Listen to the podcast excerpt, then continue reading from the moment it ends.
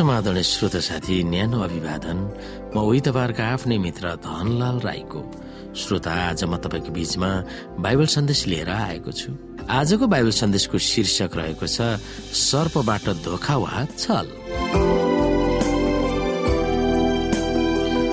श्रोत साथी परमप्रभुको आदेश र सर्पको करलाई रोच्न हवाले निर्णय गर्न कुन मापन प्रयोग गरिन् वा कसरी तौलिन्? हामी यहाँ हेर्न सक्छौ उत्पत्ति तीन अध्यायलाई। परमप्रभु परमेश्वरले बनाउनु भएका वन्य पशुहरू मध्ये सर्प सबभन्दा धुर्त थियो। त्यसले स्त्रीलाई भन्यो के परमेश्वरले तिमीहरूलाई बगैँचाको कुनै पनि रुखको फल नखानु भनी भन्नुभएको छ? तब स्त्रीले भनिन् बगैँचाका रुखहरूका फल हामी खान सक्छौ तर बगैँचाको बीचमा भएको रुखका फलको विषयमा परमेश्वरले भन्नुभएको छ त्यो चाहिँ नखानु र नछुनु नत्र त तिमीहरू मर्छौ। अनि सर्परले स्त्रीलाई भन्यो तिमीहरू मर्दैनौ।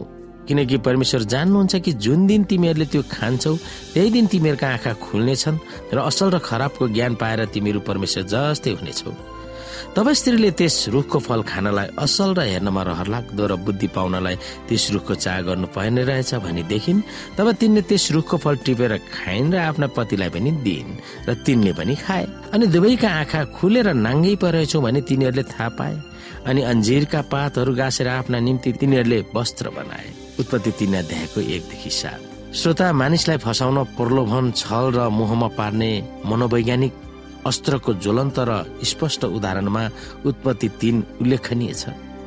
यदि आदम र हवाले निषेधित फल खायो भने तिनीहरू निश्चय नै मर्नेछन् भनेर परमप्रभुले तिनीहरूलाई चेतावनी दिनुभएको थियो। सर्पको रूप लिएर शैतानले धेरै मनमुग्ध पार्ने भाषण कलाको रणनीति अप्नाएर तिनीहरूलाई पापमा फसाउन सफल भयो त्यतिखेर। पहिलो त परमप्रभुको निश्चित निषेधाज्ञालाई सबै फलहरूमा प्रयोग गर्यो। उसले हवालाई सोध्यो के परमेश्वरले तिमीहरूलाई बगैँचाको कुनै पनि रुखको फल नखानु भनी साँच्चीकै भन्नुभएको छ?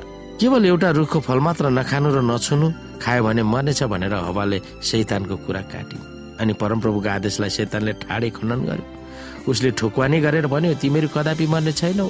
अन्तमा हवा र उनको श्रीमानलाई चाहिने आवश्यक ज्ञानलाई जाना जानी परमप्रभुले दबाएर राख्नुभयो भनेर शैतानले उहाँलाई आरोप लगाए धोकेवाजले यो तर्क प्रस्तुत गर्यो।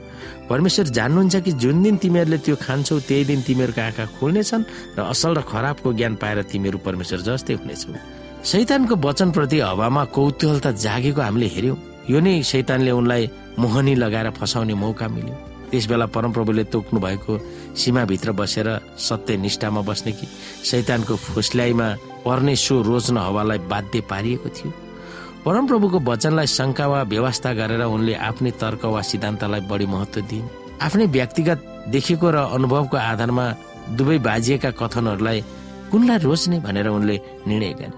पहिला त उनले खानाको दृष्टिकोणलाई प्रयोग गरिन्। फल त खानालाई बडो असल देखिने रहेछ। दोस्रोमा उनले आफ्नै सौन्दर्य शास्त्र प्रयोग गरिन् वा जे सुन्दर देखियो हो त्यसलाई अँगाल्ने नीति तिनले लिइन् यो त हेर्नमा रहर लाग्दो भनेर आँखाको अभिलाषालाई प्रयोग गरिन्।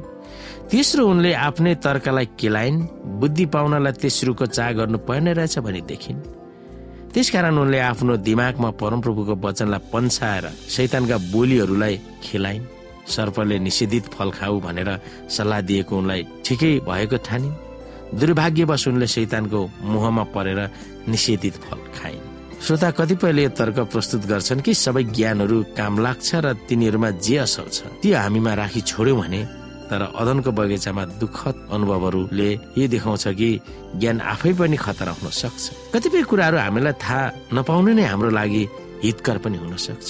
अन्तिम श्रोता आदम र हवाको अनुभवले हामीहरूका पापमा पापमय निर्णयहरूलाई तर्कयुक्त र उचित भएको सजिलो हुने रहेछ भनेर हामी कसरी सिक्न सक्छौँ? त्यो कुरा हामीले सोच्नु पर्दछ। श्रोता साथी आजको लागि बाइबल सन्देश यति नै। हस्त नमस्ते जय मसिंह।